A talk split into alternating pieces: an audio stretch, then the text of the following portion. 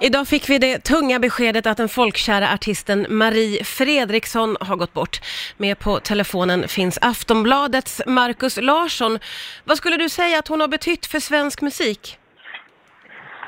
Ja, ja du, vad har hon inte betytt? Hon har betytt eh, väldigt mycket för den svenska pophistorien. Mm. Eh, både som eh, soloartist och som medlem i, i Roxette.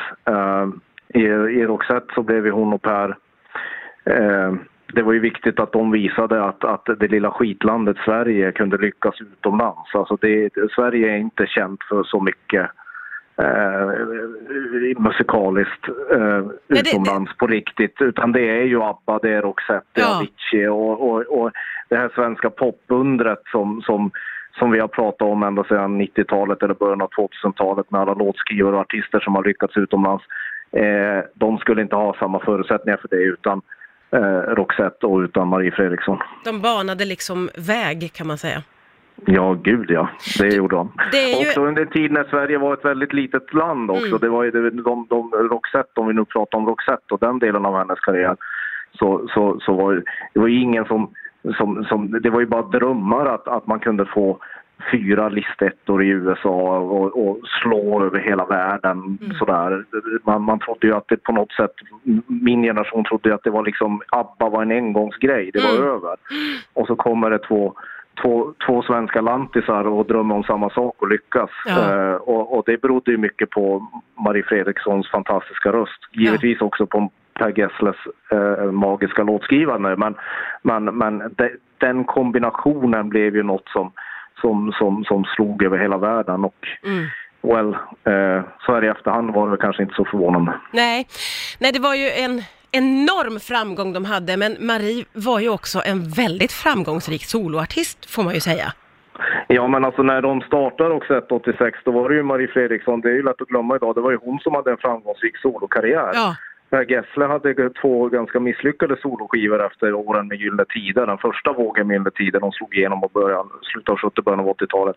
Då var det ju då var det Marie- Fredriksson som hade en karriär. mm. Så, och det var Per Gessle som mer behövde henne för att få någonting att fungera igen. ja. Och, och, och, men, men de delade ju båda ambitionen att, att, att skapa en, en, en, ett popband eller en popduo som, som, som skulle vara större än den svenska marknaden och som skulle slå utomlands. De Mm. drömde ju väldigt högt från, Ja. och stort från början.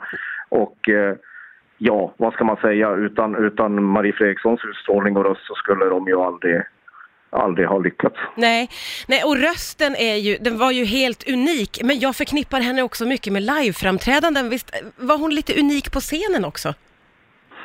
Ja, det är lite roligt att se de här gamla klippen med, med, med Marie Fredriksson och Roxette. Det är ju, eh, utanför scenen så är de ju rätt, rätt, rätt svenska, beskedliga, eh, blyga, oansenliga Ja. nästan. Men, men just tack vare Marie Fredrikssons look och utstrålning och röst så när hon ställde sig på scen då blev det något helt annat. Ja.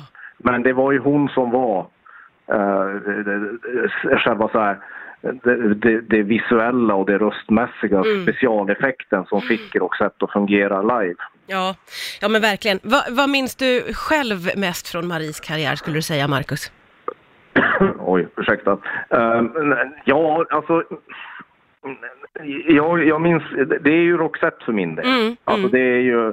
Ja, det är det för Eh, många. ja, eh, vi kan ju bläddra, bläddra på med Must Have Been Love och Listen to Your Heart och hennes så här stora paradnummer. Ja. Jag vill ju alltid slå ett slag för, för Roxettes första skiva, Pearls of Passion. Den, den kommer lite i skymundan av deras stora genombrott med Look Sharp. Ja, Men där, där, där finns några av de allra, allra bästa låtarna som Per Gessle skrev och där finns också en, en, en ballad som heter So Far Away som är, Ja, kan vara det bästa ja. som eh, Marie Fredriksson sjöng in Herregud, och som inte har blivit en lika stor framgång som de andra men som förtjänar det. Ja, du har helt rätt. Den är helt fantastisk. Eh, tusen tack Marcus Larsson för att du var med här på Rix FM och pratade om Marie Fredriksson.